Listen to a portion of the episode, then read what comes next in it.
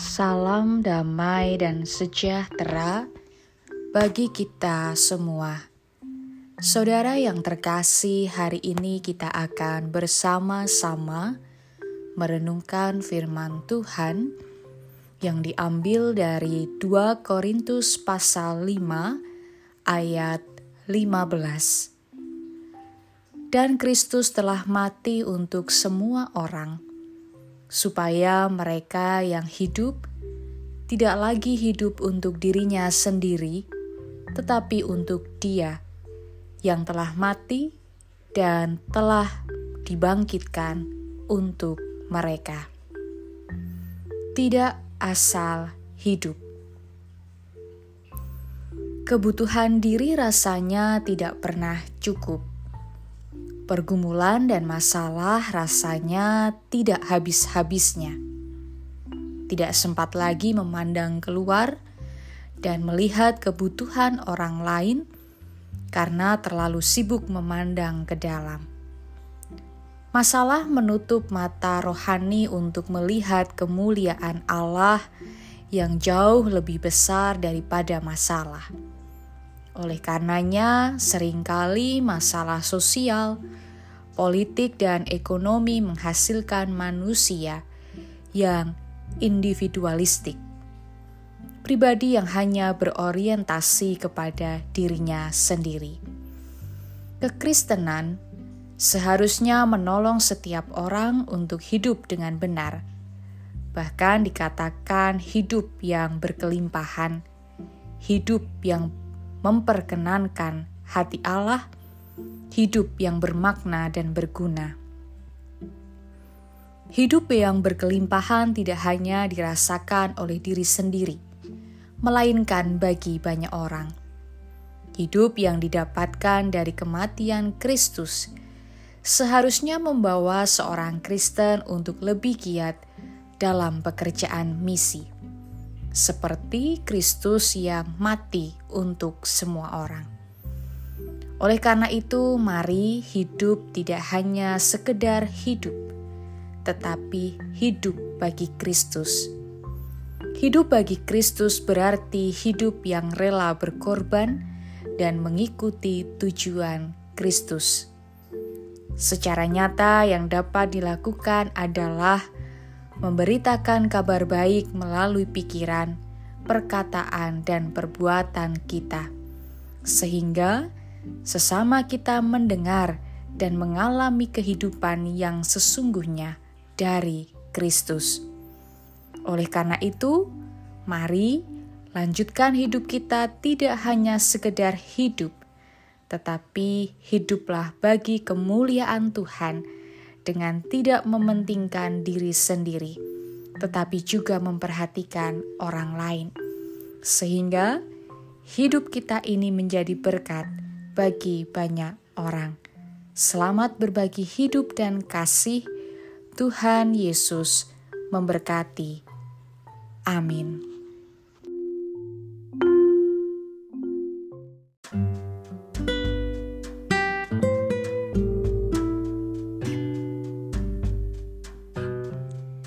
Salam damai dan sejahtera bagi kita semua. Saudara yang terkasih, hari ini kita akan bersama-sama merenungkan firman Tuhan yang diambil dari Lukas pasal 9 ayat 13. Tetapi ia berkata kepada mereka, "Kamu harus memberi mereka makan." Mereka menjawab, yang ada pada kami tidak lebih daripada lima roti dan dua ikan, kecuali kalau kami pergi membeli makanan untuk semua orang banyak ini. Mujizatnya nyata. Manusia sering terkagum dengan hal-hal atau peristiwa yang besar. Perikop ini menceritakan hal besar dan istimewa Tuhan Yesus dikisahkan memberi makan 5.000 orang laki-laki. Jika beberapa laki-laki membawa anak dan istrinya, maka jumlahnya bisa lebih dari 5.000 orang. Jumlah tersebut sangat besar. Itu sebab para murid menjadi panik dan frustasi, sehingga mereka berkata, "Suruhlah orang banyak itu pergi, supaya mereka pergi ke desa-desa dan kampung-kampung sekitar ini untuk mencari tempat penginapan dan makanan." Tetapi Yesus malahan meminta mereka untuk memberi makan. Bagaimana Tuhan bisa memberi mereka makan? Dan betul, melalui mujizat Yesus memberi mereka makan.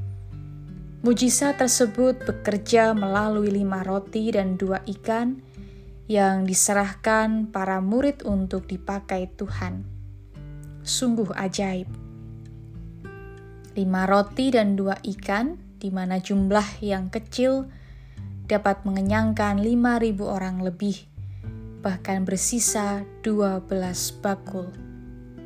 Saudara yang terkasih, kita sadar betul bahwa sering sekali kita merasa bahwa persoalan yang terjadi dalam kehidupan kita ini lebih besar daripada kemampuan kita, sehingga sering membuat kita takut, khawatir, dan bahkan menyerah dengan persoalan.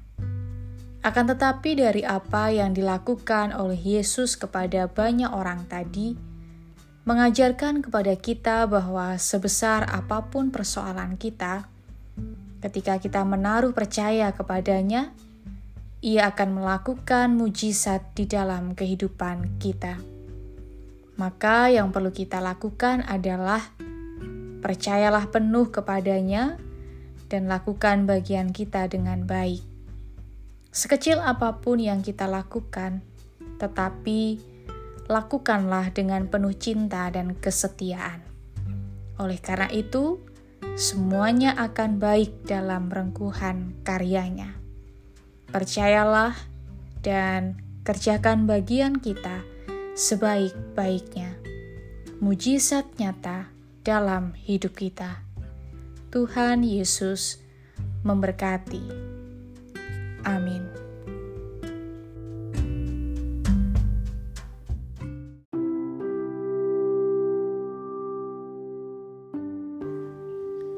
Salam damai dan sejahtera bagi kita semua. Saudara yang terkasih, hari ini kita akan bersama-sama merenungkan firman Tuhan yang diambil dari Filipi pasal 2 ayat 25. Sementara itu kuanggap perlu mengirimkan Epafroditus kepadamu, yaitu saudaraku dan teman sekerja serta teman seperjuanganku yang kamu utus untuk melayani aku dalam keperluanku. Rendah hati dalam melayani. Semakin banyak orang yang cenderung menyombongkan diri atau membanggakan diri dengan apa yang dimilikinya inginnya dihargai, inginnya dipuji, dan ingin dihormati.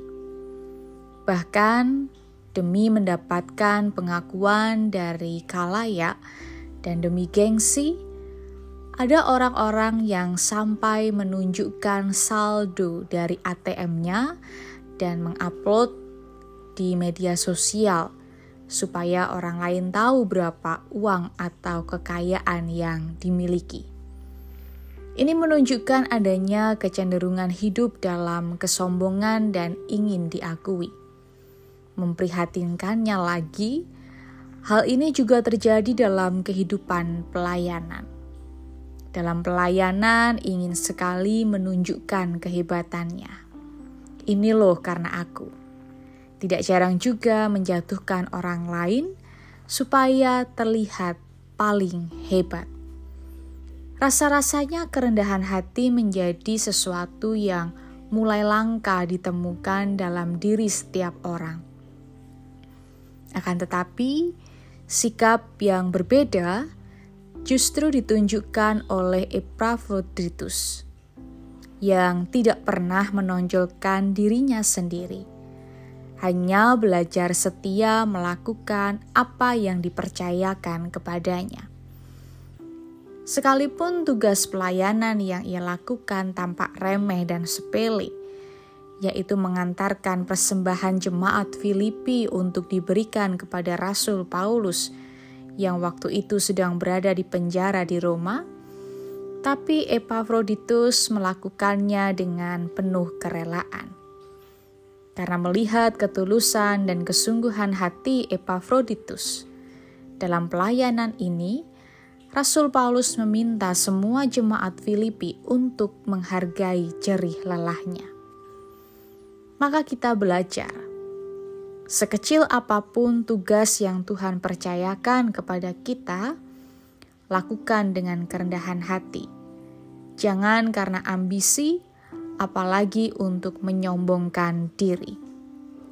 Apa yang kita kerjakan semata-mata hanya untuk kemuliaan nama Tuhan. Oleh karena itu, mari melayani Tuhan dengan rendah hati Tuhan Yesus memberkati. Amin.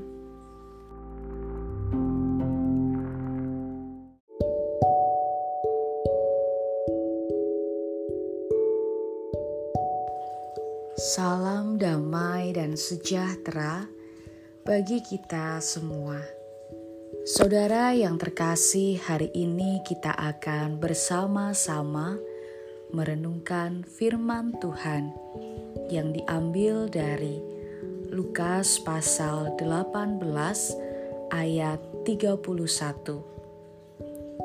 Yesus memanggil kedua belas muridnya, lalu berkata kepada mereka, "Sekarang kita pergi ke Yerusalem, dan segala sesuatu yang ditulis oleh para nabi mengenai Anak Manusia akan digenapi." tepat pada waktunya. Waktu yang tepat salah satu faktor penting dalam sebuah keberhasilan.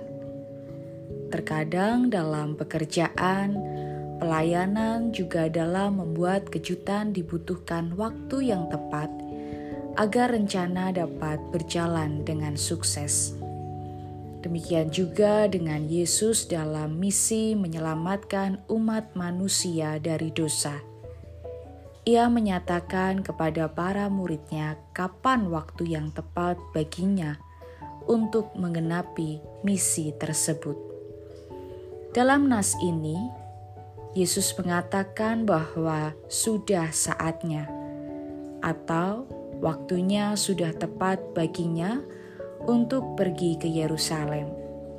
Di Yerusalem, Yesus akan menyelamatkan dunia dari dosa. Caranya sungguh tidak terduga. Ia akan disesah, disalib, dihina, diludahi, dan dibunuh. Terkadang dalam kehidupan, kita juga tidak mengerti penuh apa yang menjadi rencana Tuhan kita tidak tahu kapan waktu yang tepat baginya. Dalam penantian itu, kita pun gelisah dan bingung. Bahkan, beberapa orang ada yang marah karena merasa Tuhan tidak peduli. Padahal, Tuhan menjalankan kehendaknya sesuai dengan cara dan waktunya.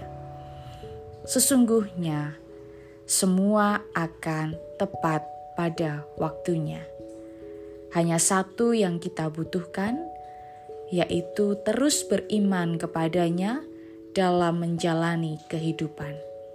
Jangan ragu dengan caranya, Tuhan senantiasa punya cara dan waktunya. Tuhan Yesus memberkati. Amin.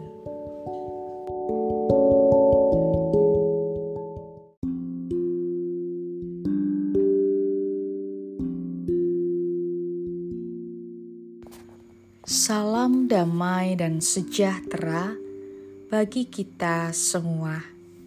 Saudara yang terkasih, hari ini kita akan bersama-sama merenungkan firman Tuhan yang diambil dari Ibrani pasal 2 ayat 10.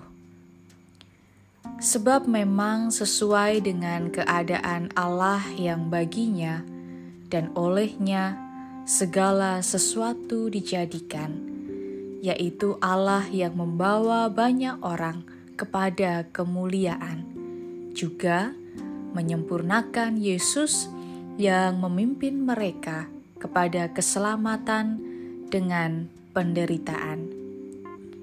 Dia turut menderita. Penderitaan dapat membuat manusia semakin kuat dalam menjaga dan mempertahankan imannya. Akan tetapi, di sisi lain, tidak sedikit manusia yang karena menderita meninggalkan imannya. Oleh karena itu, kualitas iman seseorang sangat mempengaruhi dalam menghadapi penderitaan. Penulis surat Ibrani menyebut Yesus sebagai pemimpin arkegos, pemimpin keselamatan. Seorang arkegos adalah seorang yang merintis jalan supaya diikuti oleh orang lain. Itulah yang dimaksud penulis Ibrani saat ia memakai istilah arkegos pada Yesus. Yesus adalah pribadi yang sepenuhnya telah melaksanakan tugas hidupnya dengan sempurna. Ia hidup sesuai dengan tugas dan tujuan Allah. Tidak ada satupun rancangan Allah yang lalai dilakukan Yesus. Melalui penderitaannya, Dia sepenuhnya mampu memenuhi tugasnya menjadi perintis keselamatan umat manusia. Ia merasakan kesusahan dan penderitaan manusia. Ia telah mengalami pencobaan yang melampaui apa yang sanggup manusia tanggung. Tidak semua orang dapat memahami pergumulan, kesusahan, dan penderitaan hidup kita. Namun, Yesus sungguh-sungguh memahaminya, dan Ia mengerti kondisi kita. Dia sanggup memberikan yang terbaik bagi kehidupan kita. Karena itu, datanglah kepada Yesus dan bersandarlah kepadanya.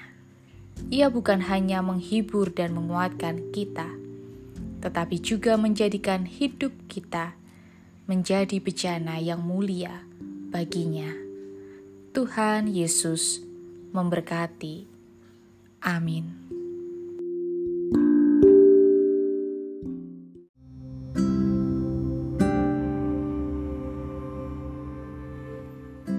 Salam damai dan sejahtera bagi kita semua. Saudara yang terkasih, hari ini kita akan bersama-sama merenungkan firman Tuhan yang diambil dari Ibrani pasal 12 ayat 1. Karena kita mempunyai banyak saksi, bagaikan awan yang mengelilingi kita, marilah kita menanggalkan semua beban dan dosa yang begitu merintangi kita, dan berlomba dengan tekun dalam perlombaan yang diwajibkan bagi kita perlombaan. Dalam olahraga bulu tangkis, atlet yang akan bertanding di Olimpiade harus mengumpulkan poin selama kurun waktu tertentu.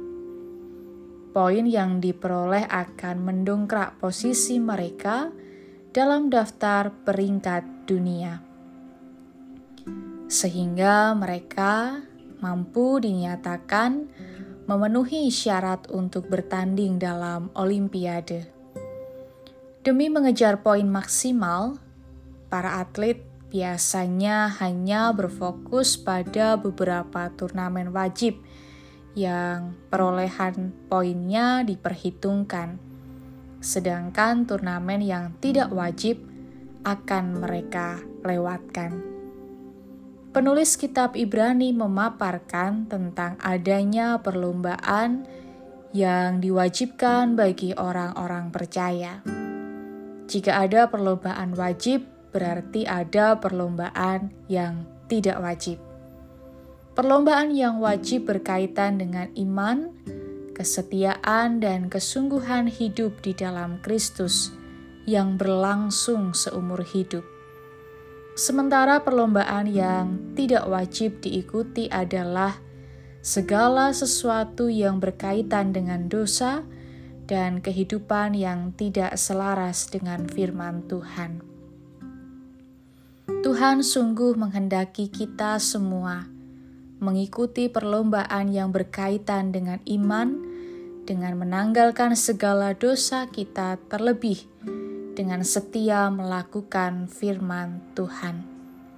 Maka, Mari jalani hidup dengan iman yang tertuju kepada Kristus yang akan memimpin yang menyempurnakan perjuangan kita untuk berkenan kepada Bapa. Mari kita arahkan fokus hidup kita dengan benar. Tuhan Yesus memberkati. Amin.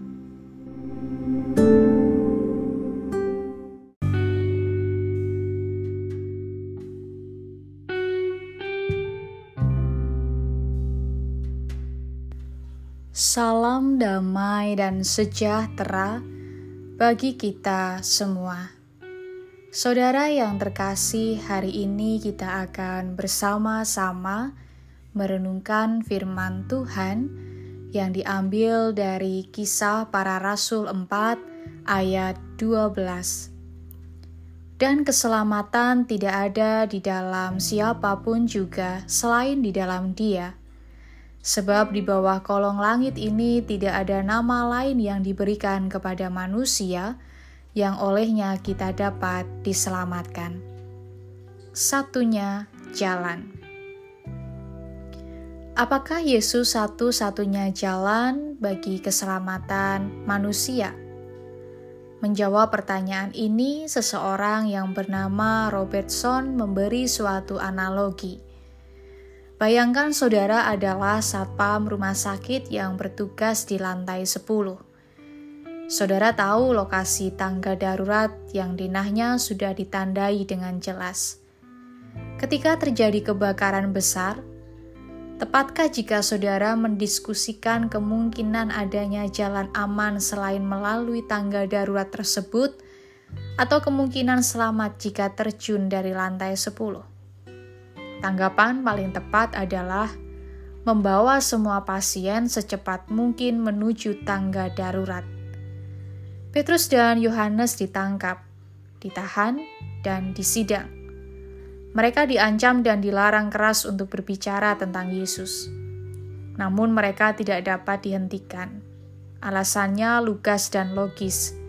Jika keselamatan bagi manusia di seluruh dunia hanya ada di dalam iman kepada karya Yesus, bagaimana mungkin tidak menyebarluaskan pengalaman dan kabar baik ini kepada semua orang? Tidak mungkin. Yesus sendiri pernah mengajar mereka, tidak ada seorang pun yang datang kepada Bapa kalau tidak melalui aku. Pertanyaan besarnya bukankah mengapa jalan keselamatan hanya satu? atau bagaimana nasib kekal dari orang-orang yang terhilang. Misteri besarnya ialah mengapa kita sibuk melakukan banyak hal yang baik, tetapi tidak sempat mengusahakan agar semua orang mendengar firman kehidupan dalam Kristus yang memerdekakan. Daripada mencari alasan pemaaf bagi kita untuk tidak membagikan kabar kelepasan ini, mari kita mencari cara kreatif untuk menyampaikannya kepada sebanyak mungkin orang. Tuhan Yesus memberkati. Amin.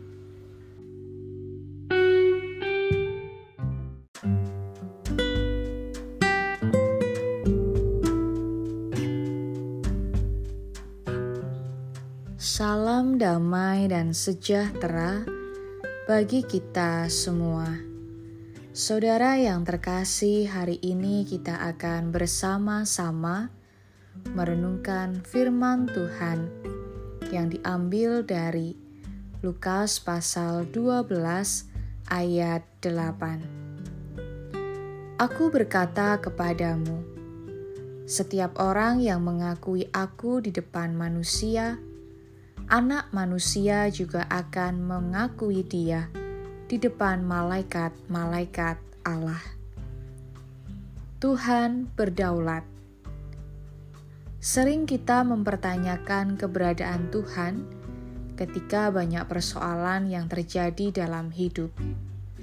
Katanya Tuhan berjanji bahwa ia akan memberkati para pengikutnya. Lalu kenapa masih saja banyak persoalan dan penderitaan? Pertanyaan itu muncul karena banyak orang mengharapkan hidup yang penuh kebahagiaan, bukan menderita. Persoalan terjadi ketika kriteria yang digunakan untuk mengukur kebahagiaan adalah dengan menilai berapa besar selisih antara sukacita dan dukacita dalam kehidupan. Jika sukacita yang dialami dalam hidup melebihi dukacitanya, maka orang tersebut dianggap bahagia. Sebaliknya, jika sukacita yang dialaminya jauh di bawah dukacitanya, maka kita pun menganggap orang tersebut tidak bahagia. Tentu, ukuran ini tidak tepat, sebab ada banyak orang yang bisa berbahagia meskipun sukacita dalam hidupnya bisa jadi lebih sedikit dibanding dukacitanya. Bagi orang-orang ini, kebahagiaan tidak dilihat berdasarkan selisih antara sukacita dan dukacita dalam hidup mereka melainkan pengakuan mereka atas kedaulatan Tuhan. Orang yang bisa mengakui kedaulatan Tuhan lebih mampu merasakan kebahagiaan dalam hidupnya, terlepas dari sukacita dan dukacita yang dialaminya. Hubungan dengan Tuhan tidak dipahami sebagai hubungan transaksional melihat untung rugi seperti dalam perdagangan, tetapi hubungan di mana mereka mampu mempercayakan hidupnya sepenuhnya ke dalam tangan Tuhan. Maka, akuilah kedaulatan Tuhan, karena dari situlah kita akan mendapatkan sukacita dan kekuatan. Tuhan Yesus memberkati. Amin.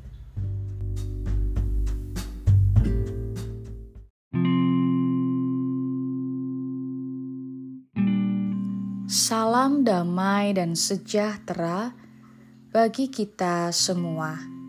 Saudara yang terkasih, hari ini kita akan bersama-sama merenungkan firman Tuhan yang diambil dari Mazmur 30 ayat 3 sampai 5. Tuhan Allahku, kepadamu aku berteriak minta tolong, dan Engkau telah menyembuhkan aku.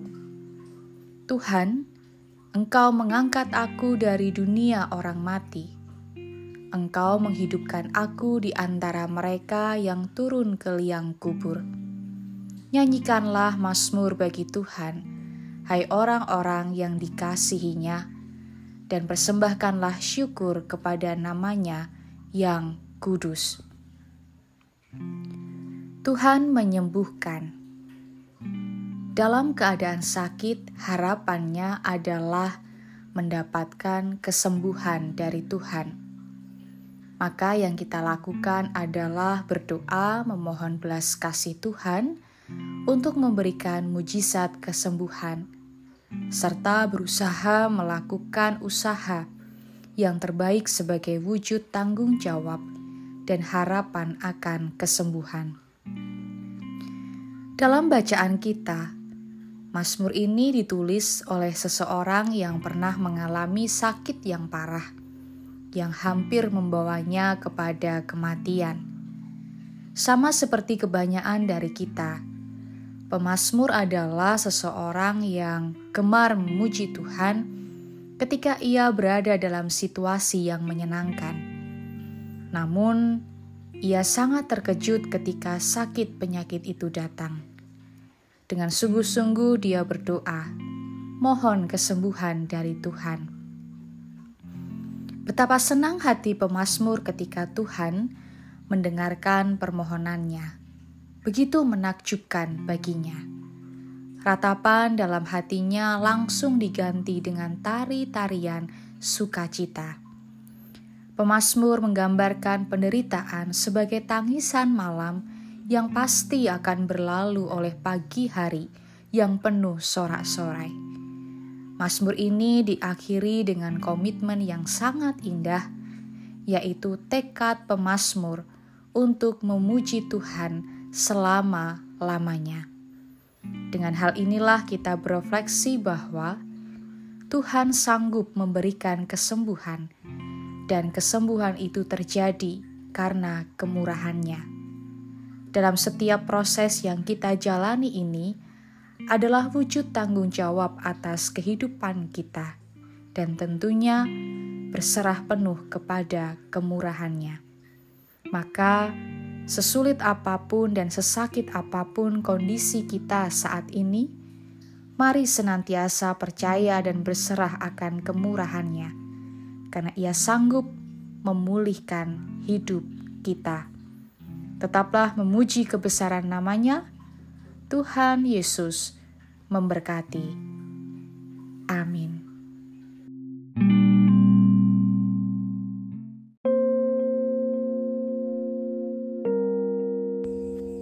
Salam damai dan sejahtera bagi kita semua. Saudara yang terkasih, hari ini kita akan bersama-sama merenungkan firman Tuhan yang diambil dari Lukas pasal 5 ayat 4. Setelah selesai berbicara, ia berkata kepada Simon, "Bertolaklah ke tempat yang dalam dan tebarkanlah jalamu untuk menangkap ikan." Bertolak lebih dalam. Setiap hari kita hidup dalam sebuah rutinitas yang kadang terasa monoton atau begitu-begitu saja. Bahaya dari rutinitas hidup sehari-hari ialah bahwa ia sering kali membuat kita tidak lagi memaknainya. Tampaknya itu juga yang terjadi dengan kehidupan Simon Petrus. Sehari-hari, ia menjalani rutinitas sebagai nelayan di Danau Galilea. Dalam rutinitas hidupnya, Simon sangat bergantung dari berapa banyak ikan yang tersangkut di jalannya. Dia akan bersyukur bila hari itu ia mendapatkan sejumlah besar ikan, tetapi tak jarang Jalannya kosong dan tak seekor ikan pun tersangkut di jalannya. Dalam kondisi itu, ia akan pulang dengan kecewa, atau mungkin juga biasa saja karena sudah sering seperti itu, dan berharap besok hari tangkapannya akan lebih baik daripada hari sebelumnya. Demikianlah hidup yang ia jalani dalam keseharian sebagai nelayan sampai suatu kali terjadi perjumpaan dengan Yesus. Yesus pun berkata kepada Simon untuk bertolak ke tempat yang dalam dan menebarkan jalannya untuk menangkap ikan. Ia berpikir perintah Tuhan sangat tidak masuk akal, tetapi ia tetap melakukan perintah Yesus. Akhirnya, ia pun mendapatkan ikan yang sangat banyak dan tersungkurlah ia di hadapan Yesus. Mungkin kita sering merasa jenuh dengan rutinitas kita, tetapi ia mengajarkan kita untuk bertolak lebih dalam untuk menemukan makna yang lebih dalam tentang kehidupan. Lebih lagi semakin dimampukan untuk berkarya lebih lagi dan semakin dikuatkan dalam melayani Tuhan karena berkatnya sungguh besar dalam hidup kita. Selamat berefleksi. Tuhan Yesus memberkati. Amin.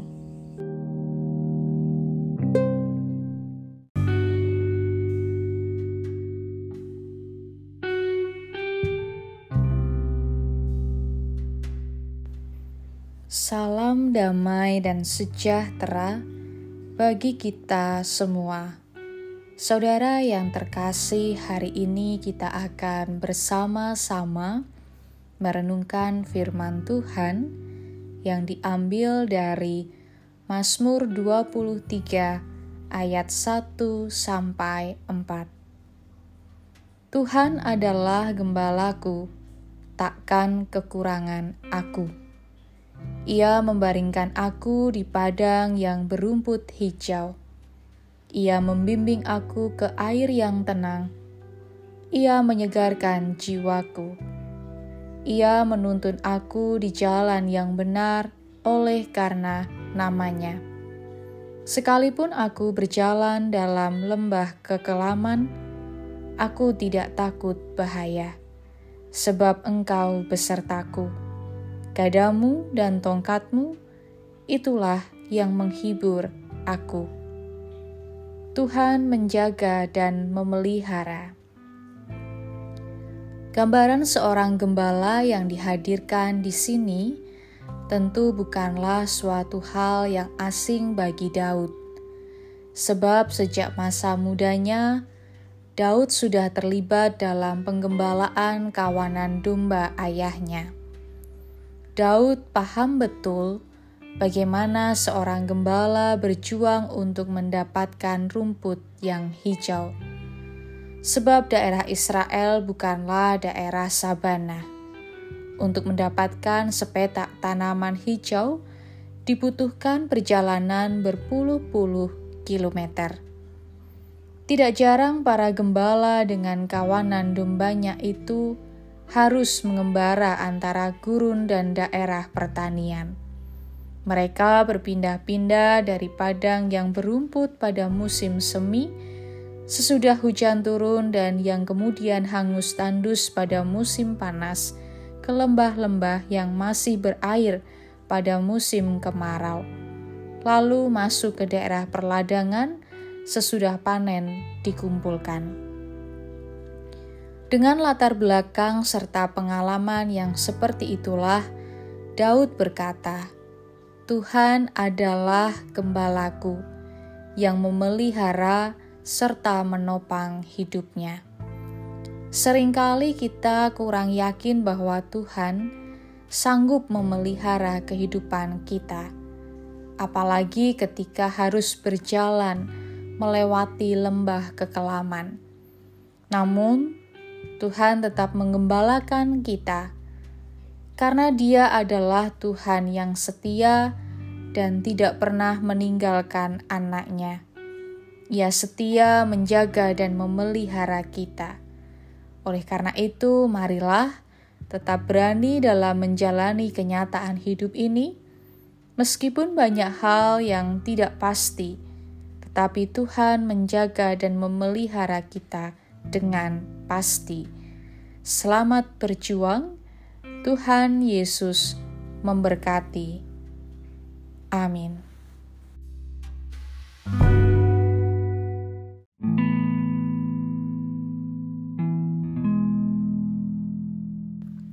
Salam damai dan sejahtera bagi kita semua. Saudara yang terkasih, hari ini kita akan bersama-sama merenungkan firman Tuhan yang diambil dari Mazmur 100 ayat 2 dan 3. Beribadahlah kepada Tuhan dengan sukacita. Datanglah ke hadapannya dengan sorak-sorai. Ketahuilah bahwa Tuhanlah Allah. Dialah yang menjadikan kita dan punya dialah kita umatnya dan kawanan domba gembalaannya. Antusias beribadah. Dikisahkan sepasang suami istri yang sangat antusias menyiapkan dan mengantar anak mereka di hari pertama masuk sekolah. Mereka sangat antusias mempersiapkan diri karena mereka tahu bahwa putra mereka sangat menantikan momen tersebut, sehingga mereka ingin mempersiapkan diri sebaik-baiknya. Suami rela izin untuk terlambat tiba di kantor. Segala keperluan sekolah sudah mereka persiapkan. Ketika harinya tiba, mereka bangun lebih awal dari biasanya, berangkat lebih pagi demi menghindari kemacetan, supaya putra mereka tidak terlambat tiba di sekolah. Dari pengalaman tersebut, kita mencoba melihat dan merefleksikan tentang beribadah. Di tengah budaya jam karet, tantangan bagi kita saat beribadah adalah datang tepat waktu. Sebetulnya, jika kita memiliki antusiasme terhadap sesuatu, maka kita pun pasti akan sangat bersemangat dan rela berkorban apa pun berupaya mempersiapkan diri sebaik-baiknya, termasuk untuk tidak datang terlambat. Kenyataan ini membuat kita bertanya, bagaimana kita mempersiapkan diri kita untuk menghadiri ibadah?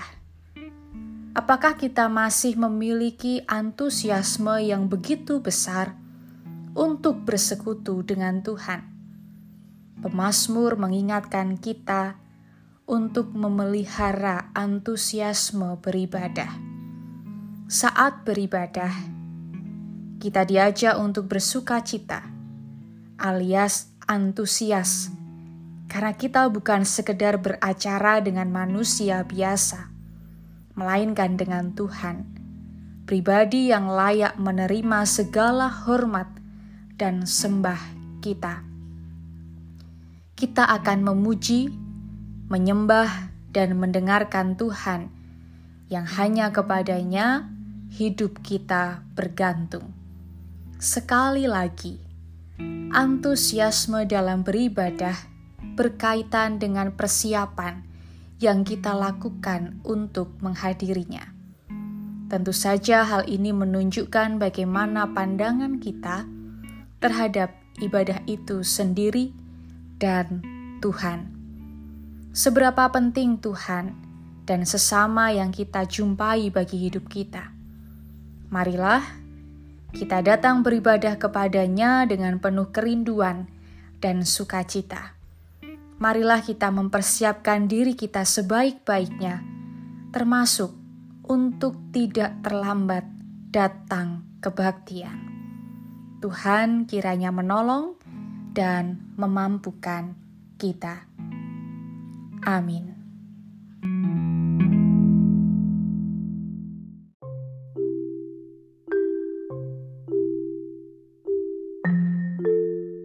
Salam damai dan sejahtera bagi kita semua.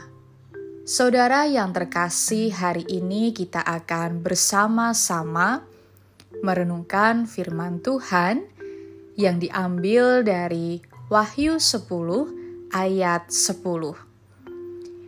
Lalu aku mengambil kitab itu dari tangan malaikat itu dan memakannya.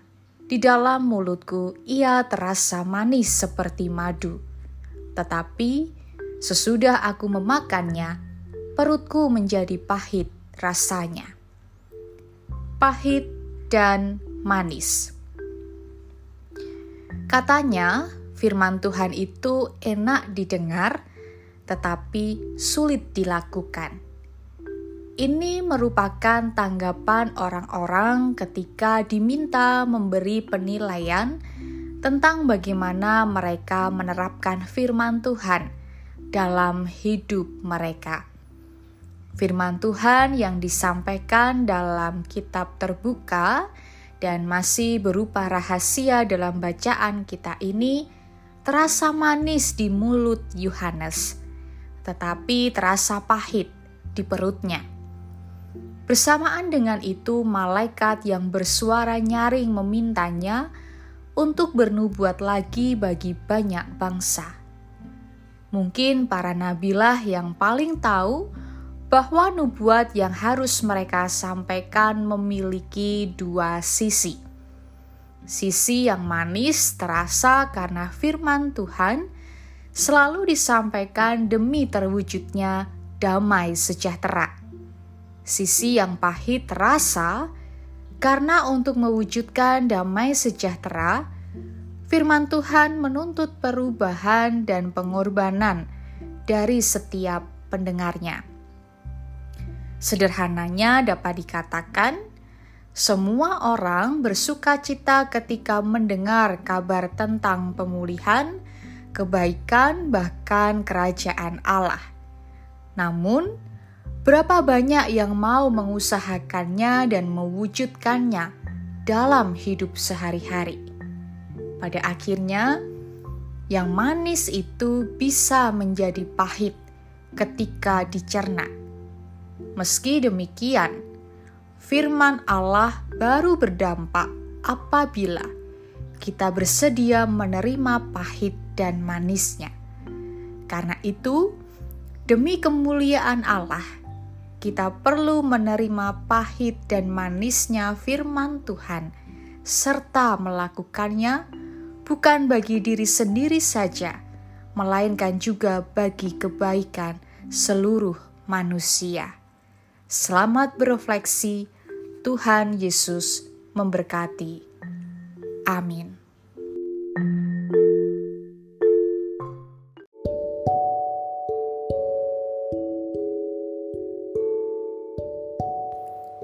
Salam damai dan sejahtera bagi kita semua.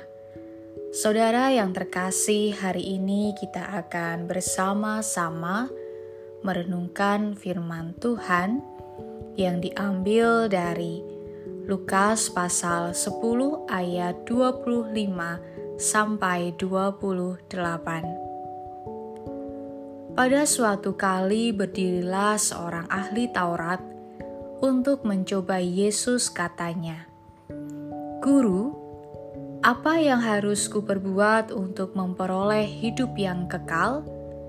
Jawab Yesus kepadanya. Apa yang tertulis dalam hukum Taurat? Apa yang kau baca di sana? Jawab orang itu. Kasihilah Tuhan Allahmu dengan segenap hatimu, dan dengan segenap jiwamu, dan dengan segenap kekuatanmu, dan dengan segenap akal budimu, dan kasihilah sesamamu manusia seperti dirimu sendiri. Kualitas hidup Percakapan Tuhan Yesus dengan ahli Taurat mengingatkan kita akan perspektif yang tepat bagaimana hidup dalam anugerah hidup kekal yang sudah Tuhan anugerahkan. Jawaban ahli Taurat yang dibenarkan oleh Yesus memberi kesan hidup kekal itu bisa didapatkan atau tidak bergantung pada tingkatan kasih yang orang miliki, baik kepada Tuhan maupun sesama.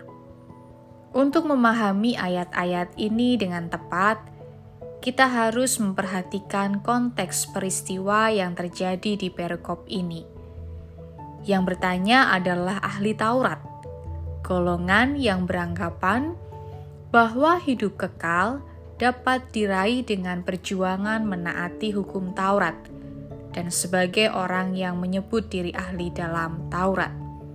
Mereka menganggap diri mereka sudah pasti pantas memiliki hidup kekal. Bak senjata makan tuan Pertanyaan dan jawaban yang dimunculkan dan kemudian dijawab sendiri oleh ahli Taurat digunakan Yesus untuk mengoreksi dirinya sendiri. Yesus mengubah inti pembicaraan itu bukan tentang cara memperoleh hidup kekal, tetapi lebih pada sebuah ujian dan pembuktian kualitas hidup orang-orang yang menerima hidup kekal karena ia sedang berhadapan dengan orang yang keliru, menganggap dirinya pantas menerima hidup kekal. Ini dilakukan agar mereka tidak salah menilai diri dan terjerumus dalam pengharapan yang keliru, serta kita yang hidup di zaman setelah penebusan tidak salah meremehkan karya penebusan yang Kristus lakukan. Dengan membenarkan jawaban ahli Taurat tersebut, Yesus menegaskan bahwa seseorang, orang yang mengklaim diri sudah memperoleh hidup kekal, hidupnya harus menunjukkan bahwa ia benar-benar mengasihi Allah karena telah menerima kasih karunia Allah. Dan mengasihi Allah yang tidak kelihatan bukanlah sesuatu yang hanya bisa diucapkan dan tidak bisa diukur, melainkan bisa terlihat dengan gamblang dari cara hidupnya bersama sesama manusia yang kelihatan. Maka refleksinya adalah milikilah kualitas hidup yang baik dengan setia mengasihi Tuhan dan sesama, sebagai tanda bahwa kita adalah anak-anak Tuhan yang menerima anugerah keselamatan. Tuhan Yesus memberkati. Amin.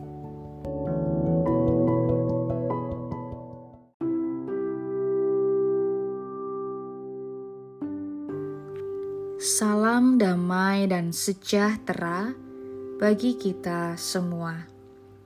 Saudara yang terkasih, hari ini kita akan bersama-sama merenungkan firman Tuhan yang diambil dari Amsal pasal 2 ayat 6 sampai 8. Karena Tuhanlah yang memberikan hikmat dari mulutnya datang pengetahuan dan kepandaian. Ia menyediakan pertolongan bagi orang yang jujur, menjadi perisai bagi orang yang tidak bercela lakunya, sambil menjaga jalan keadilan dan memelihara jalan orang-orangnya yang setia. Berkat hikmat Sering kita memahami karya Tuhan semata-mata dalam kaitannya dengan berkat-berkat material belaka. Misalnya saja, ketika kita tidak punya cukup uang untuk membeli beras, tiba-tiba saja ada orang yang memberi uang untuk membeli beras. Maka di situlah kita merasa Tuhan melakukan karyanya dalam kehidupan kita. Atau kita yang kebingungan mencari tempat penginapan ketika di luar kota, lalu ada seorang teman yang menawari kita untuk tinggal bersama di rumahnya secara gratis. Di situlah juga kita meyakini bahwa Tuhan melakukan perbuatan ajaibnya bagi kita. Amsal mengajar kita untuk tidak hanya mengkaitkan karya Tuhan dengan berkat-berkat material saja. Ada hal lain yang telah Tuhan lakukan bagi kita yang bahkan jauh lebih penting, yaitu memberi hikmat agar kita bisa berjalan di jalan yang benar. Tanpa hikmat, maka seorang berpengetahuan luas bisa menjadi penjahat. Tanpa hikmat, maka seorang pebisnis lihai bisa menjadi penipu. Tanpa hikmat, maka seorang penguasa dengan pendidikan yang tinggi bisa menjadi penindas rakyatnya sendiri. Hikmat adalah berkat Tuhan bagi kita agar kita bisa berlaku jujur dan tidak bercelah. Karya Tuhan yang patut kita syukuri dalam kehidupan kita tidak selalu terkait dengan hal-hal material. Hikmat juga merupakan karya ilahi yang patut kita syukuri. Maka, mari saat ini tidak hanya meminta kepada Tuhan agar kekayaan kita bertambah, melainkan agar hikmat kita berlimpah-limpah. Tuhan Yesus memberkati. Amin.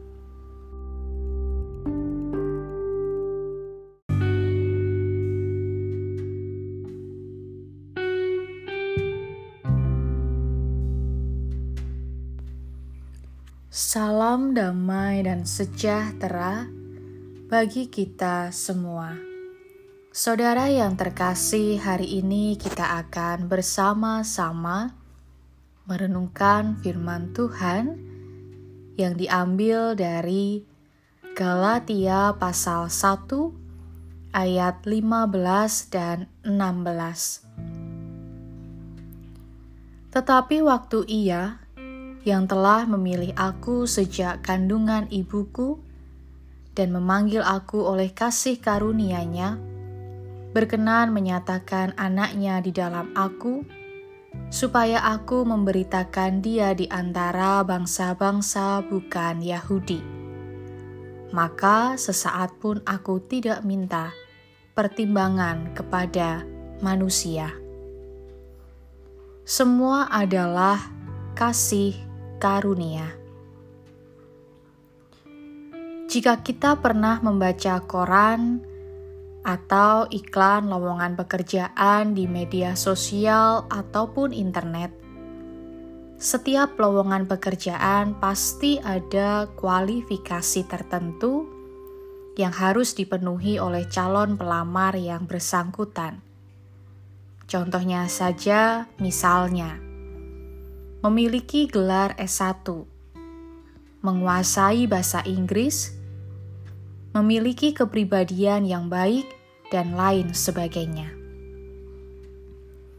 Namun, kita patut bersyukur sebab Tuhan tidak memilih kita berdasarkan kualifikasi tertentu. Dia tidak berkata bahwa kita harus mahir dalam pengetahuan Alkitab terlebih dahulu baru kita bisa diterima menjadi umat pilihannya atau sebagainya.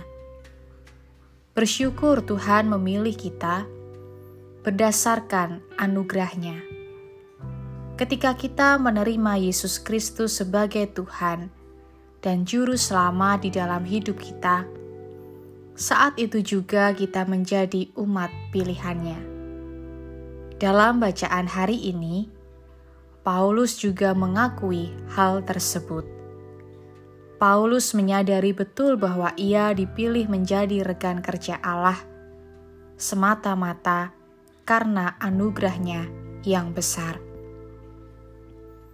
Oleh karena itu, hal yang perlu kita refleksikan hari ini karena semua adalah wujud kasih karunia-Nya maka tetaplah rendah hati di hadapan manusia, terlebih di hadapan Tuhan.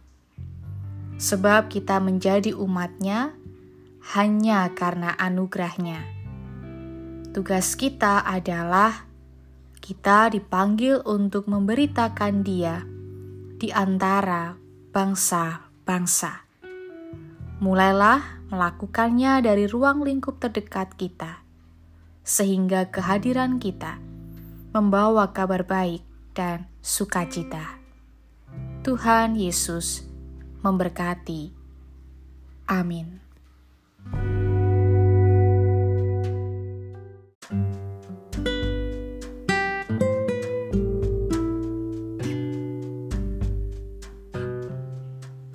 Salam damai dan sejahtera bagi kita semua. Saudara yang terkasih, hari ini kita akan bersama-sama merenungkan firman Tuhan yang diambil dari 2 Samuel pasal 7 ayat 18. Lalu masuklah Raja Daud ke dalam, kemudian duduklah ia di hadapan Tuhan sambil berkata, Siapakah aku ini, ya Tuhan Allah, dan siapakah keluargaku, sehingga Engkau membawa aku sampai sedemikian ini? Refleksi diri. Setiap hari kita disibukkan dengan beragam aktivitas pekerjaan ataupun menuntut ilmu.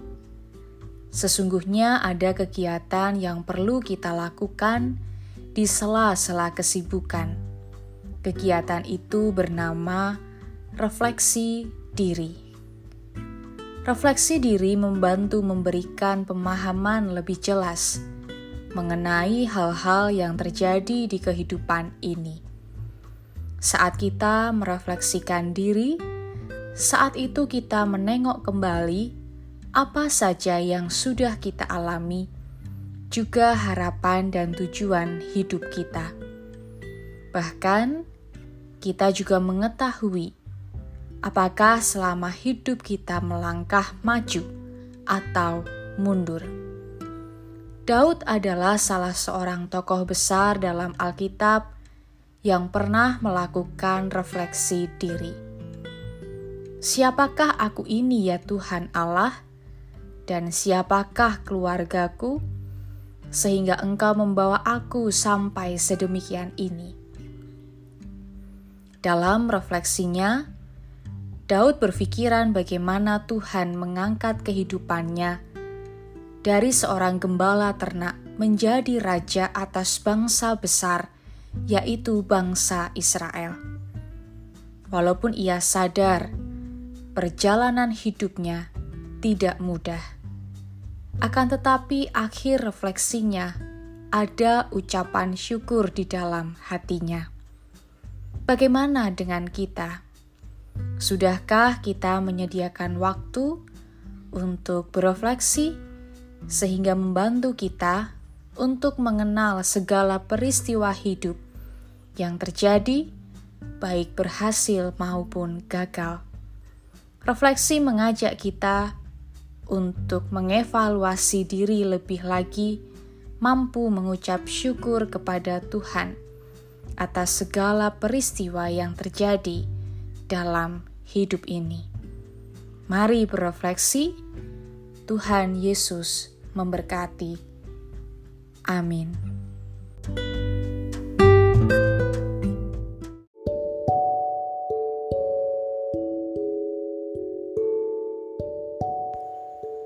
Salam damai dan sejahtera bagi kita semua. Saudara yang terkasih, hari ini kita akan bersama-sama merenungkan firman Tuhan yang diambil dari Ibrani pasal 13 ayat 5b. Karena Allah telah berfirman, Aku sekali-kali tidak akan membiarkan engkau. Kawan yang sejati. Ada sebuah pujian dari Kidung Jemaat nomor 453 dengan judul Yesus Kawan yang Sejati. Liriknya demikian. Yesus kawan yang sejati bagi kita yang lemah. Tiap hal boleh dibawa dalam doa padanya. Oh, betapa kita susah dan percuma berlelah bila kurang pasrah diri dalam doa padanya. Pujian ini awalnya merupakan puisi yang dituliskan oleh seorang anak untuk ibunya yang sedang sakit keras. Akan tetapi, ia tidak bisa bersama-sama dengan ibunya. Rasa-rasanya kita juga tidak terlepas dari rasa takut dan lelah dengan perjalanan hidup ini.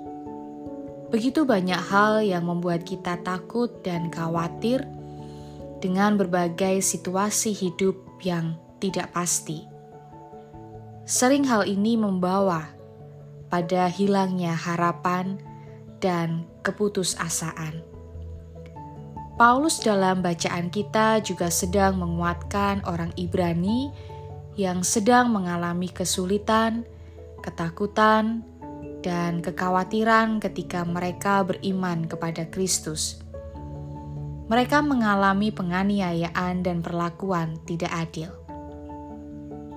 Maka, Paulus mengatakan bahwa sekali-kali Tuhan tidak akan membiarkan engkau. Paulus mengingatkan bahwa Tuhan tidak pernah meninggalkan dan senantiasa memberikan pertolongan. Hal inilah yang perlu kita imani dan yakini, bahwa dalam segala kesesakan, kekhawatiran, dan ketakutan, Ia tidak akan pernah meninggalkan kita dan memberikan pertolongan bagi kita ia sekali-kali tidak akan membiarkan kita. Percayalah, Tuhan Yesus memberkati. Amin.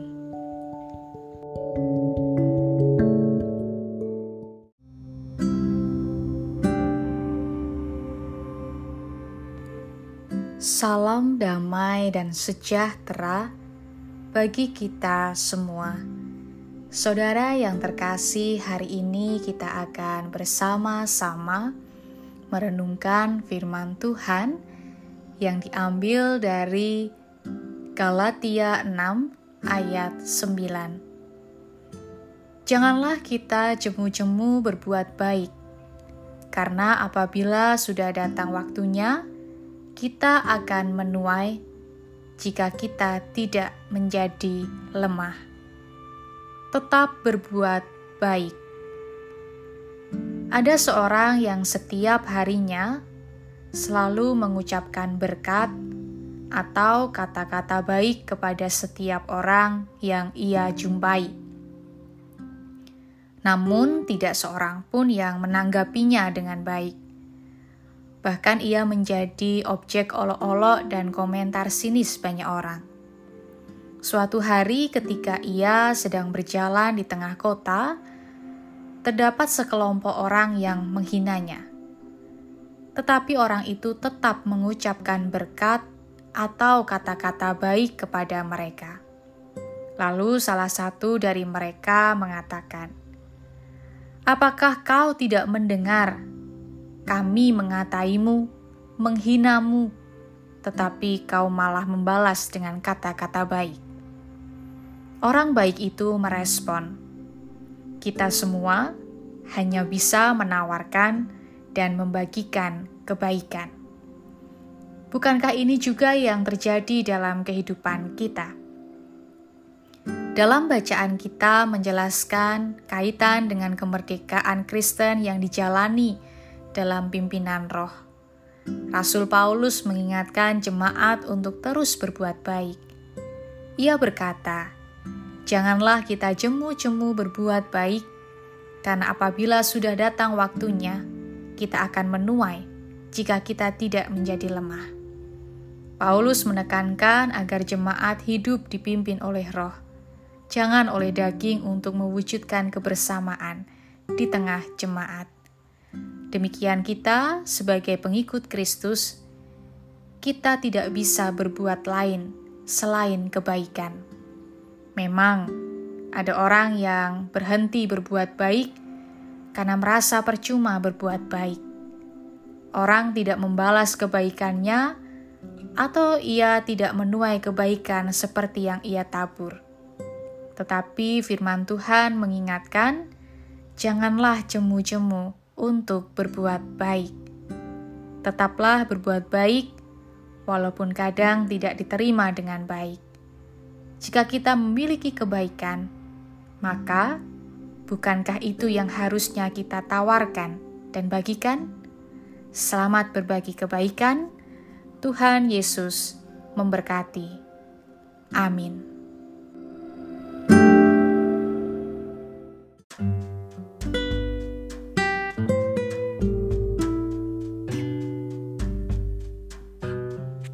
Salam damai dan sejahtera bagi kita semua. Saudara yang terkasih, hari ini kita akan bersama-sama merenungkan firman Tuhan yang diambil dari Bilangan pasal 14 ayat 20 sampai 23. Berfirmanlah Tuhan, Aku mengampuninya sesuai dengan permintaanmu. Hanya demi aku yang hidup dan kemuliaan Tuhan memenuhi seluruh bumi. Semua orang yang telah melihat kemuliaanku dan tanda-tanda mujizat yang kuperbuat di Mesir dan di padang gurun, namun telah sepuluh kali mencobai aku dan tidak mau mendengarkan suaraku. Pastilah tidak akan melihat negeri yang kujanjikan dengan bersumpah kepada nenek moyang mereka. Semua yang menista aku ini tidak akan melihatnya. Patuh dan setia penderitaan, sakit, penyakit, persoalan yang bertubi-tubi, sering kali dijadikan alasan untuk tidak percaya kepada Tuhan, meragukan bahwa Tuhan berkuasa atas hidup kita. Hal itulah yang terjadi juga kepada umat Israel ketika mereka mengalami beratnya perjalanan menuju tanah perjanjian Bahkan Musa dan Harun, Yosua dan Kaleb, sekalipun mengingatkan mereka, mereka tetap marah. Maka Tuhan berfirman dan mengingatkan mereka. Tuhan tetap berbelas kasihan kepada umatnya, namun Tuhan juga dengan tegas mengingatkan supaya mereka menjadi umat yang patuh dan taat. Mungkin saat ini saudara sedang mengalami berbagai macam pencobaan hidup. Pencobaan-pencobaan yang saudara alami ialah pencobaan-pencobaan yang biasa, tidak melebihi kekuatan manusia.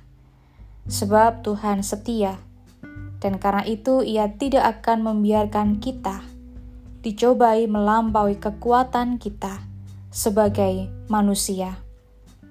Pada waktu kita semua dicobai, Ia akan memberikan kepada kita pertolongan dan jalan keluar, sehingga kita dapat menghadapi dan menanggungnya. Maka, tetaplah yakin dan percaya kepada Tuhan, apa pun yang terjadi dalam hidup kita. Persoalan kita tidak melebihi kekuatan kita, karena Tuhan setia menolong kita. Amin.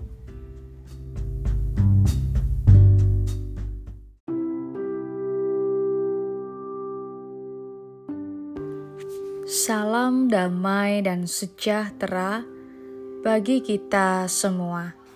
Saudara yang terkasih, hari ini kita akan bersama-sama merenungkan firman Tuhan yang diambil dari Efesus pasal 4 ayat 2 sampai 6. Hendaklah kamu selalu rendah hati, lemah lembut dan sabar. Tunjukkanlah kasihmu dalam hal saling membantu dan berusahalah memelihara kesatuan roh oleh ikatan damai sejahtera. Satu tubuh dan satu roh sebagaimana kamu telah dipanggil kepada satu pengharapan yang terkandung dalam panggilanmu, satu Tuhan, satu iman, satu baptisan, satu Allah dan Bapa dari semua, Allah yang di atas semua, dan oleh semua, dan di dalam semua. Memelihara kesatuan. Hidup yang kita jalani seharusnya hidup yang tidak seenaknya saja. Kita harus menyadari bahwa di antara kita ada orang lain dan juga ada Tuhan. Orang-orang yang ada di antara kita memiliki sikap, karakter, perilaku yang berbeda-beda. Seharusnya kita bisa bersikap bijaksana dalam membangun relasi dengan orang-orang yang ada di sekitar kita, khususnya dalam persekutuan kita, orang-orang yang telah diselamatkan di dalam penebusan Yesus Kristus. Dalam bacaan kita saat ini, Paulus hendak menjelaskan bahwa setiap orang yang telah percaya hendaknya menghidupi panggilannya layaknya sebagai seorang percaya. Dan inilah yang dimaksud Paulus dengan kata berpadanan dengan panggilan. Sehingga panggilan menjadi seorang Kristen tidak hanya sebatas pada status, tetapi memang menghidupi panggilan itu dengan kesungguhan. Dan Paulus memberi dirinya menjadi contoh bahwa ia rela dipenjara hanya karena Tuhan. Menjadi seorang Kristen dibutuhkan komitmen dan kesungguhan, sekalipun harus menanggung derita. Selanjutnya, Paulus lebih rinci lagi menjelaskan bagaimana hidup yang berpadanan dengan panggilan yaitu rendah hati, lemah lembut, sabar, menunjukkan kasih untuk saling membantu dan memelihara kesatuan roh. Inilah yang menjadi panggilan hidup kita sebagai seorang Kristen. Marilah kita senantiasa menghidupi dan memelihara kesatuan roh dan Tuhan sendirilah yang telah mempersatukan kita dalam satu Tuhan, satu iman, dan satu baptisan. Tuhan Yesus memberkati. Amin.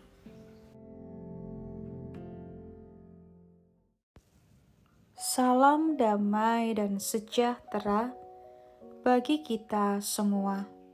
Saudara yang terkasih, hari ini kita akan bersama-sama merenungkan firman Tuhan yang diambil dari Lukas pasal 1 ayat 46 dan 47. Lalu kata Maria, Jiwaku memuliakan Tuhan, dan hatiku bergembira karena Allah, Juru Selamatku. Jiwaku memuliakannya. Kita dapat membayangkan sejenak apa kiranya yang ada di dalam hati dan pikiran Maria setelah melakukan perjalanan jauh dari Nazaret ke pegunungan tinggi Yudea. Sekalipun lelah, Maria diliputi sukacita dan syukur. Wujud kesetiaannya kepada Allah diungkapkannya dalam kata-kata pujian dengan sikap rendah hati jiwaku memuliakan Tuhan. Jiwa adalah pusat dari keseluruhan kehidupan seseorang. Artinya, seluruh kehidupan Maria adalah untuk memuliakan Tuhan. Maria sadar bahwa Allah sangat memperhatikan dirinya yang rendah. Kelahiran Mesias dari keturunan Daud itu pasti didambakan semua orang Israel semua perempuan berharap Mesias lahir dari rahimnya, dan ternyata Allah telah memilih Maria sebagai jalan Sang Mesias ke dalam dunia ini. Maria menyadari bahwa ia dipilih bukan karena kebaikannya, melainkan karena rahmat dan kasih karunia Allah semata-mata. Saat ini kita berefleksi bahwa selalu ada alasan bagi setiap kita untuk memuliakan Tuhan. Bila Maria memuliakan Tuhan, karena Tuhan memakai rahimnya untuk melahirkan Sang Mesias, apakah alasan kita untuk memuliakan Tuhan? Kita pasti memiliki alasan masing-masing untuk memuliakan Tuhan. Apa alasan saudara? Mari kembali merenungkan dan merasakannya. Selamat berefleksi dan memuliakan Tuhan.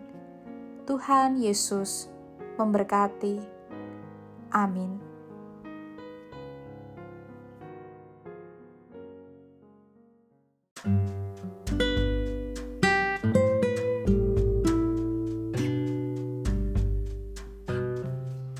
Salam damai dan sejahtera bagi kita semua. Saudara yang terkasih, hari ini kita akan bersama-sama merenungkan firman Tuhan yang diambil dari Galatia 3 ayat 22. Tetapi kitab suci telah mengurung segala sesuatu di bawah kekuasaan dosa, supaya oleh karena iman dalam Yesus Kristus, janji itu diberikan kepada mereka yang percaya. Bersedia hadir. Ada seorang yang dikenal dengan sebutan Mama Putih. Ia rela meninggalkan kehidupannya yang mapan di Jerman dan menuju Lembata, Flores Timur, untuk merawat para penderita kusta. Mama Putih pernah berkata, "Penyakit kusta bisa disembuhkan. Biarlah mereka hidup bersama kita." karena mereka juga citra Allah.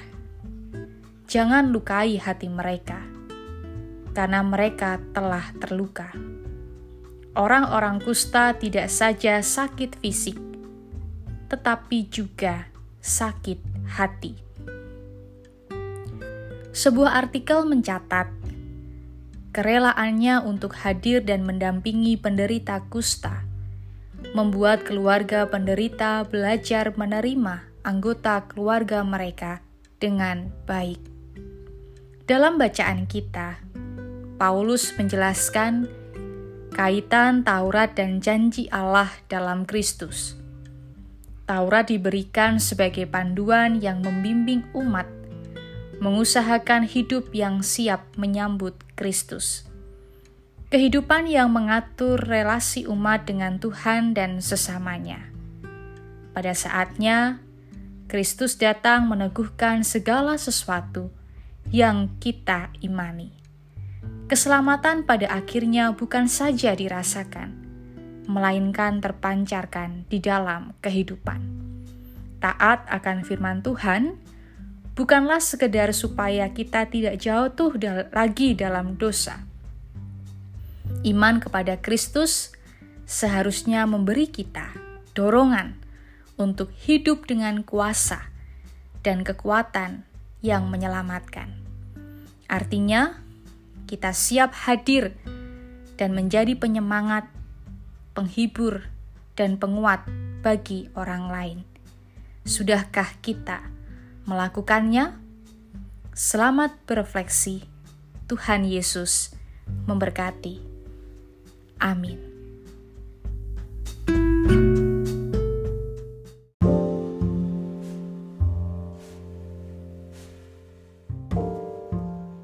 Salam damai dan sejahtera bagi kita semua.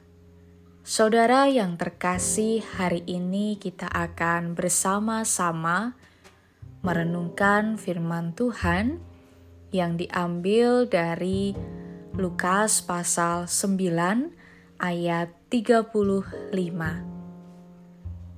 Maka terdengarlah suara dari dalam awan itu yang berkata, Inilah anakku yang kupilih, dengarkanlah dia. Dengarkanlah dia. Kemampuan mendengarkan atau menyimak akan berdampak pada bagaimana pesan-pesan penting yang diterima, dipahami, dan kemudian mengubah kehidupan kita sebagai manusia. Seringkali orang tidak memahami pesan dengan jelas karena tidak serius mendengarkan pesan yang disampaikan oleh sang pemberi pesan.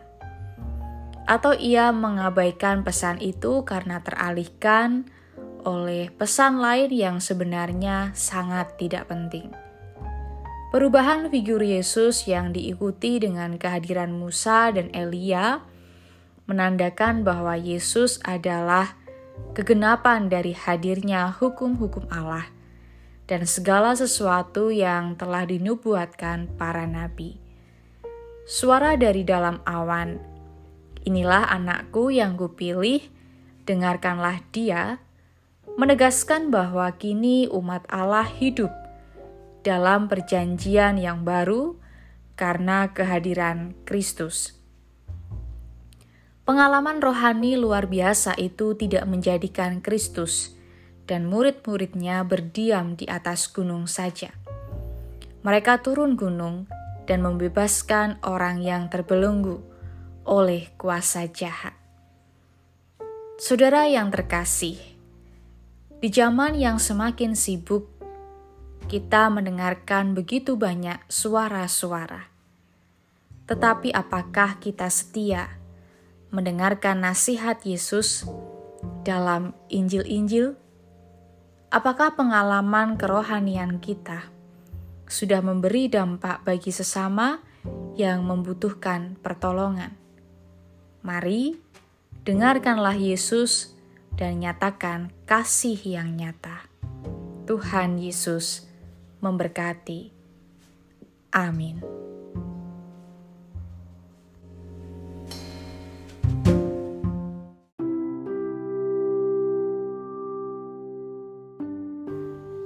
Salam damai dan sejahtera bagi kita semua Saudara yang terkasih, hari ini kita akan bersama-sama merenungkan firman Tuhan yang diambil dari Galatia pasal 4 ayat 10 dan 11. Kamu dengan teliti memelihara hari-hari tertentu, bulan-bulan, masa-masa yang tetap, dan tahun-tahun Aku khawatir kalau-kalau susah payahku untuk kamu telah sia-sia. Teguh dalam Kristus.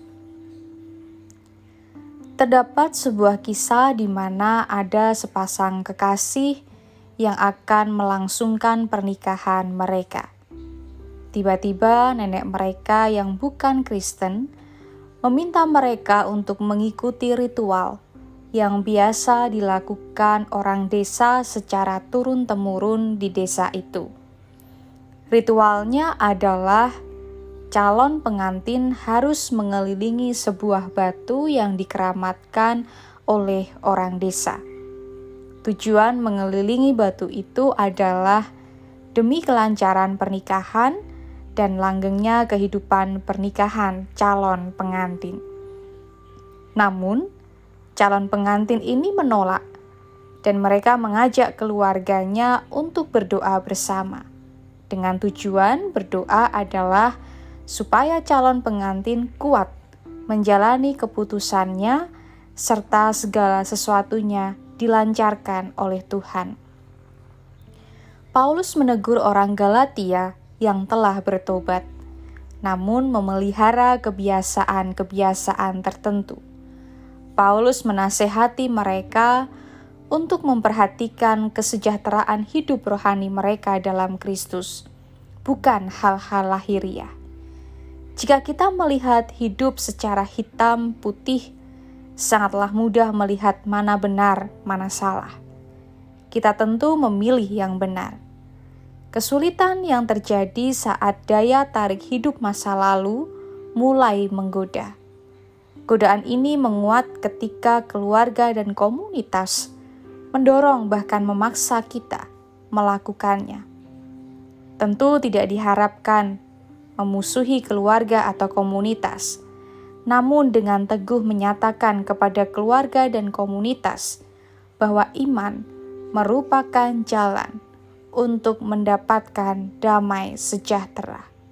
Oleh karena itu, Teguhlah dalam iman kita kepada Kristus dan Tuhan Yesus memberkati. Amin.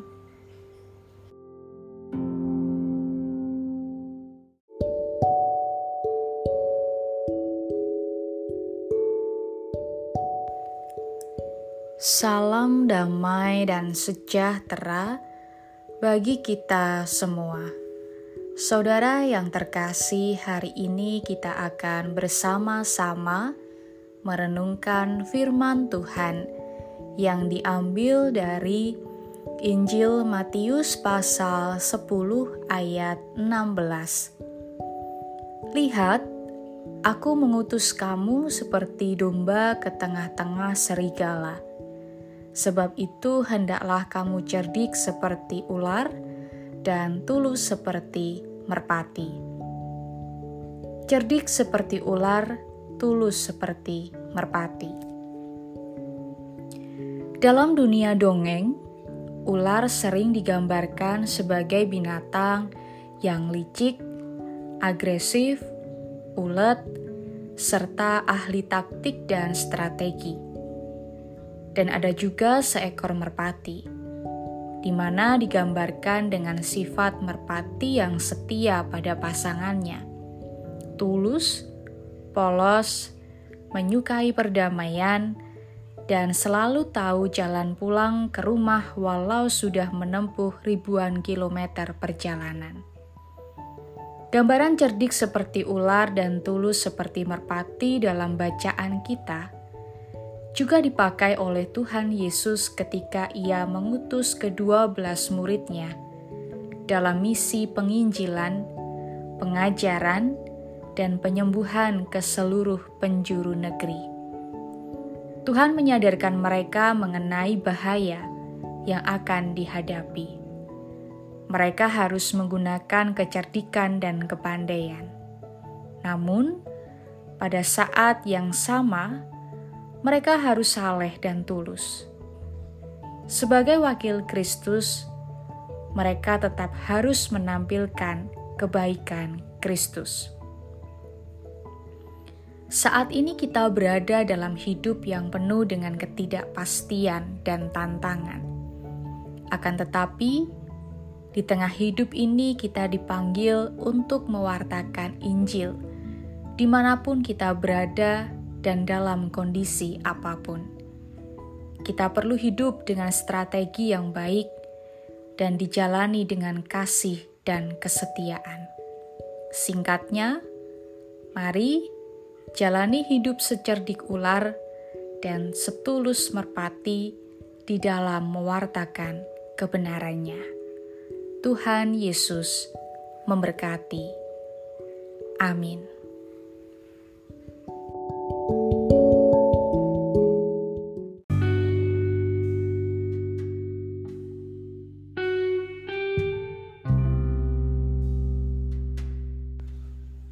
Salam damai dan sejahtera bagi kita semua. Saudara yang terkasih, hari ini kita akan bersama-sama merenungkan firman Tuhan yang diambil dari 2 Raja-Raja 4 ayat 35 dan 36. Sesudah itu ia berdiri kembali dan berjalan dalam rumah itu, sekali ke sana dan sekali ke sini Kemudian meniarap pulalah ia di atas anak itu. Maka bersinlah anak itu sampai tujuh kali, lalu membuka matanya. Kemudian Elisa memanggil Gehazi dan berkata, Panggillah perempuan Sunem itu. Dipanggilnyalah dia, lalu datanglah ia kepadanya, maka berkatalah Elisa, Angkatlah anakmu ini. Tuhan sandaran hidupku. Banyak orang menyandarkan hidup pada uang, karir, kepintaran, prestasi, dan lain sebagainya. Di antara semuanya itu, hanyalah Tuhan yang dapat dijadikan sandaran hidup yang kokoh dan abadi. Dalam bacaan kita, hidup Elisa wanita Sunem menempati posisi penting dalam pelayanannya. Segala kebutuhan makan, minum, dan tempat tinggal disediakan oleh wanita tersebut. Terlihat jelas bahwa wanita Sunem mengetahui identitas kenabian dan kebiasaan membaca dari Elisa. Walaupun wanita itu tidak meminta balas jasa, tetapi Elisa ingin memberikan sesuatu yang bernilai atas kebaikan hatinya, yaitu seorang anak. Awalnya, hadiah seorang anak dari Nabi Elisa membuat kebahagiaan keluarga ini menjadi sempurna. Namun, kebahagiaan itu tidak berlangsung lama, sebab anak itu meninggal karena penyakit misterius. Dalam kondisi yang pahit serta getir, wanita Sunem tidak kehilangan iman kepada Tuhan. Dengan segera ia ke Gunung Karmel mencari Elisa, sebab ia percaya bahwa Allah Elisa mampu menghidupkan kembali anaknya. Keyakinan yang besar terhadap Allah Elisa membuat wanita ini tidak mau bangkit berdiri apabila Elisa tidak mau ke rumahnya. Sebab wanita itu tahu bukan tongkat Elisa yang berkuasa, melainkan roh Allah yang ada pada Elisa. Ternyata benar apa yang diyakini wanita tersebut. Kehadiran Allah melalui diri Elisa membuat harapan yang lenyap menjadi bersinar kembali. Bagaimana dengan kita saat ini? Sudahkah kita selalu bersandar akan kebaikan dan kemurahan Tuhan setiap waktu? Ia mampu membuat harapan yang lenyap kembali bersinar. Maka, dalam hidup ini, mari tetaplah dan senantiasa bersandar akan kuasa dan kebaikannya. Tuhan Yesus memberkati. Amin.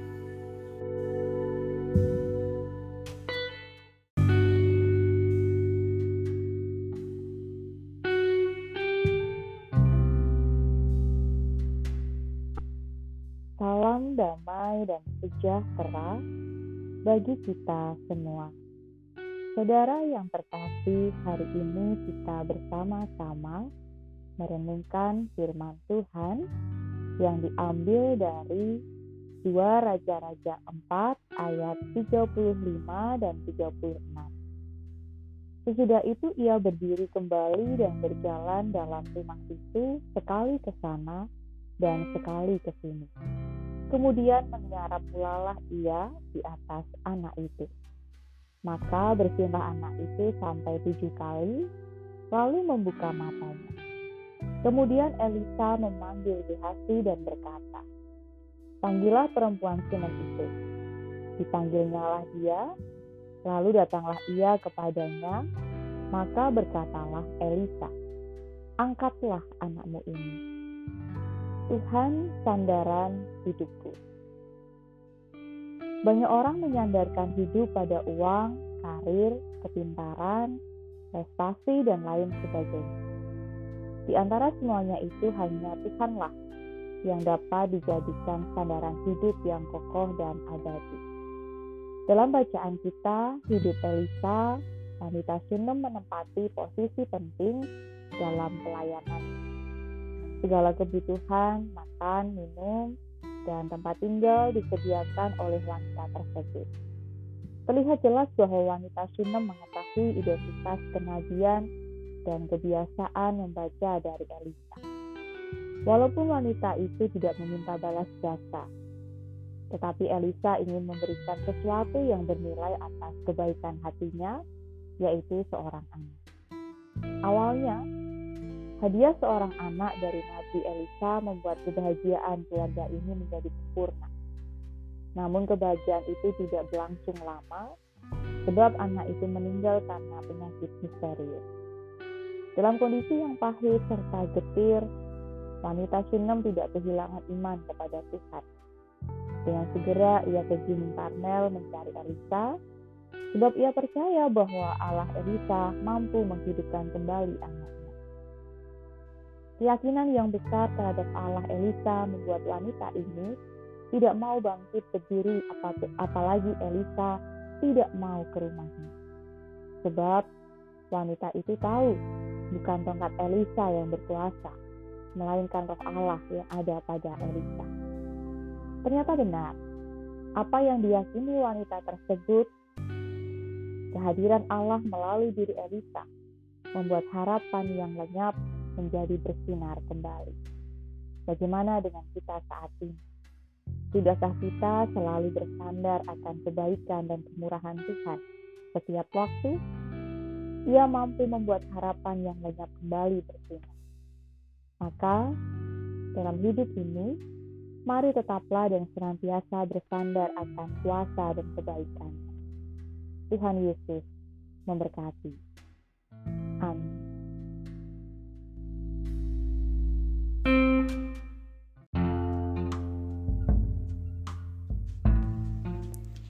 Salam damai dan sejahtera bagi kita semua.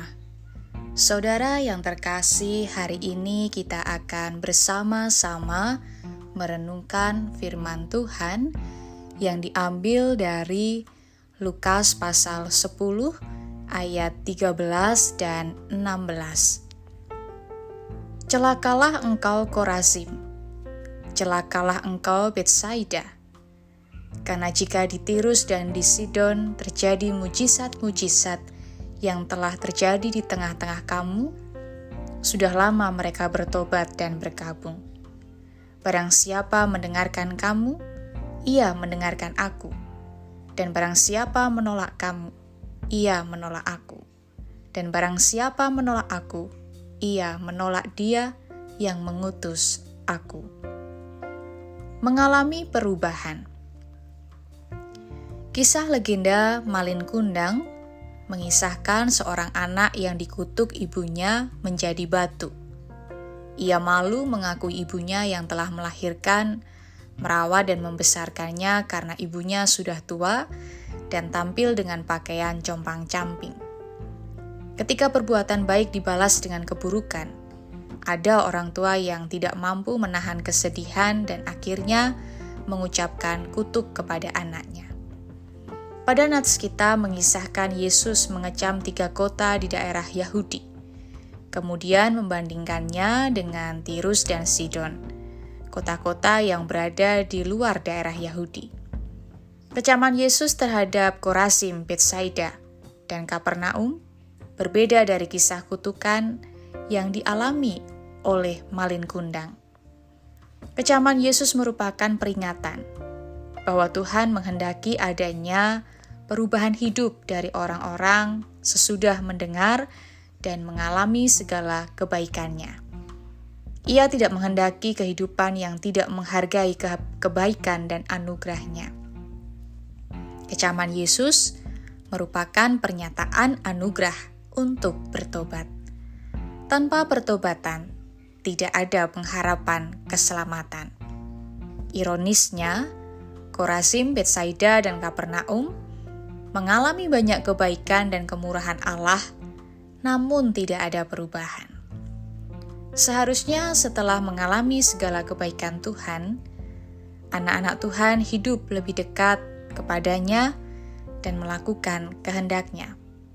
Orang-orang Kristen yang tidak menunjukkan perubahan hidup adalah orang-orang egois dan tidak mengasihi Tuhan. Sangat disayangkan bila apa yang terjadi atas Korasim, Betsaida, dan Kapernaum harus terulang dalam kehidupan kita. Menyadari dan berubah adalah langkah iman untuk merespon kebaikan Tuhan. Daripada kelak menuai hukuman dalam pengadilan Allah. Sudahkah kita mengalami perubahan? Tuhan Yesus memberkati. Amin.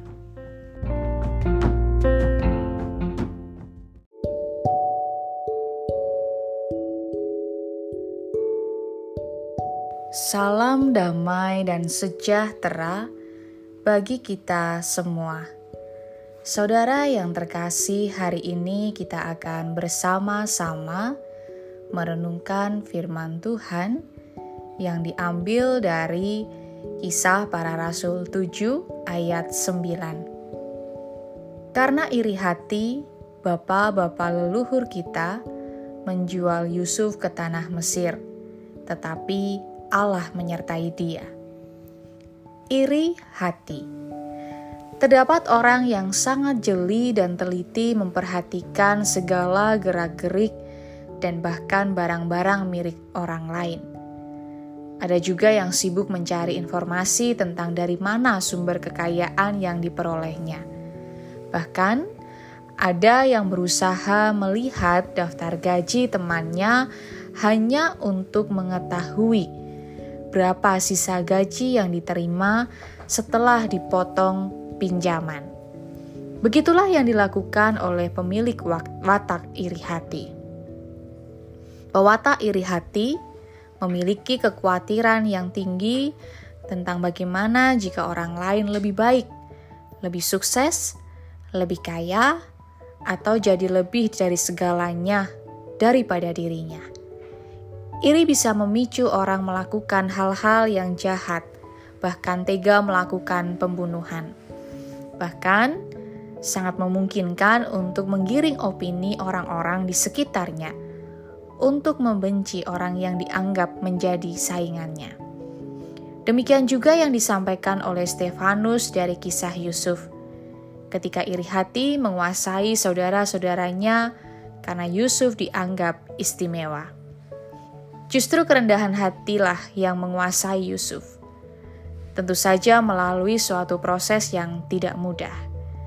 Ketulusan hati dalam melayani saudara-saudaranya merupakan bukti bahwa Tuhan berkenan hadir dalam pribadi Yusuf, sehingga kehidupan Yusuf senantiasa terkuasai dan terberkati oleh Tuhan.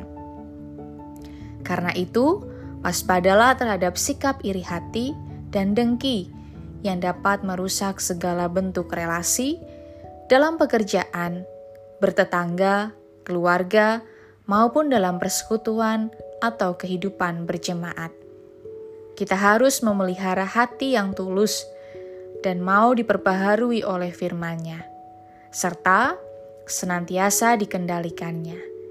Kita perlu mengendalikan diri supaya rasa iri hati tidak menguasai hati kita.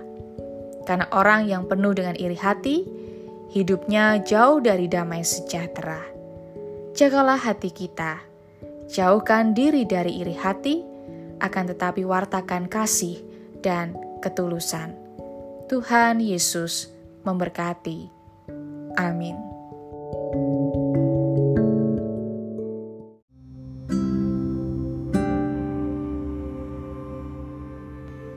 Salam damai dan sejahtera bagi kita semua. Saudara yang terkasih, hari ini kita akan bersama-sama merenungkan firman Tuhan yang diambil dari Matius pasal 25 ayat 40. Dan raja itu akan menjawab mereka, Aku berkata kepadamu, sesungguhnya segala sesuatu yang kamu lakukan untuk salah seorang dari saudaraku yang paling hina ini, kamu telah melakukannya untuk aku. Sepele yang berarti, apa yang kita anggap sepele mungkin tidak sepele bagi orang lain. Misalnya, dalam sebuah dongeng, terdapat seorang pemuda menolong seekor katak yang terluka dan terkurung dalam sebuah lubang kecil. Ternyata katak tersebut adalah seorang putri raja. Si pemuda akhirnya diangkat menjadi menantu raja. Kira-kira seperti itu jalan ceritanya. Artinya, sebuah perbuatan baik yang sepele bisa mengubahkan kehidupan seseorang. Sebuah kebaikan kecil bisa berdampak besar. Teks kita hari ini memang bukan sebuah dongeng, tetapi sama-sama mengajarkan pentingnya perbuatan baik. Sekecil apa pun itu, bahkan kepada orang yang dianggap hina. Sering kita menghindar dan tidak peduli dengan orang-orang yang dianggap rendah di dalam masyarakat.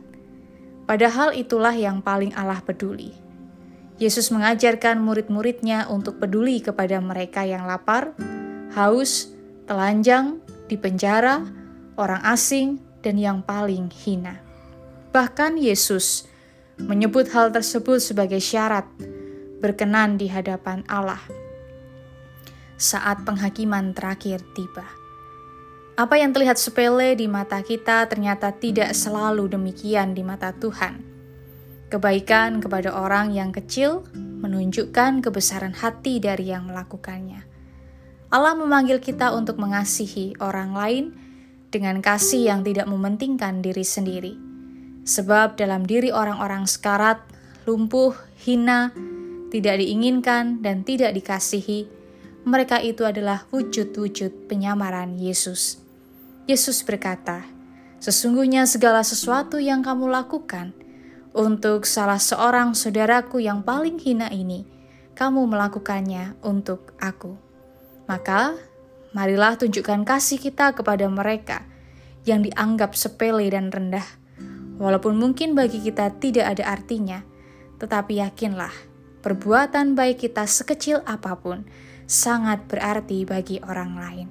Tetaplah setia dan senantiasa mengasihi dan berbuat baik kepada siapa pun. Tuhan Yesus memberkati. Amin.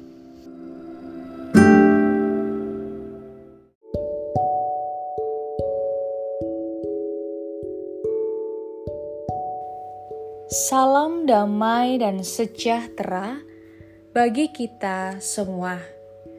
Saudara yang terkasih, hari ini kita akan bersama-sama merenungkan firman Tuhan yang diambil dari Injil Yohanes pasal 6 ayat 51. Akulah roti hidup yang telah turun dari surga.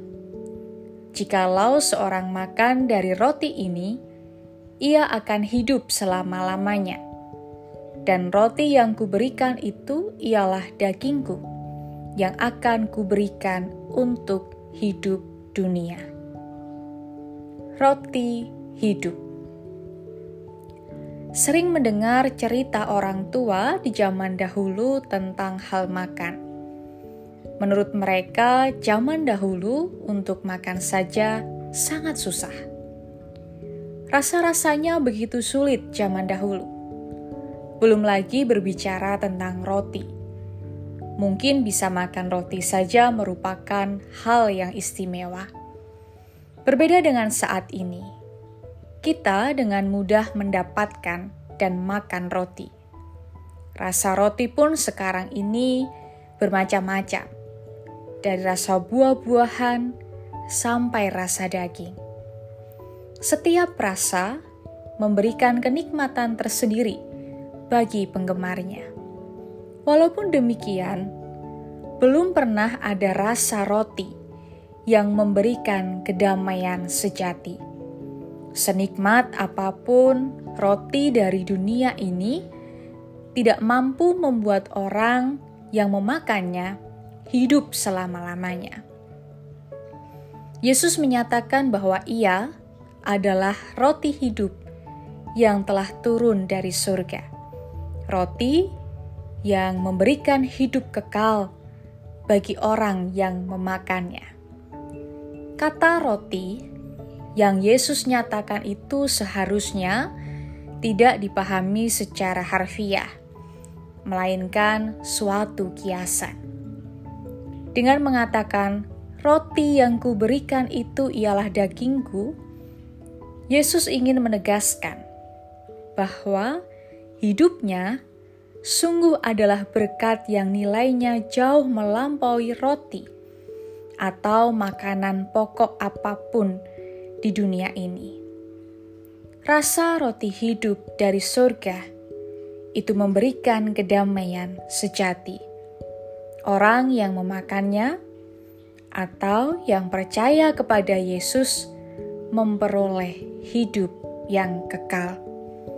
Kalau kita percaya Yesus sebagai roti hidup dari surga, setialah memakannya dan jadikan karya kasih Tuhan sebagai bagian dari hidup kita. Tuhan Yesus memberkati. Amin.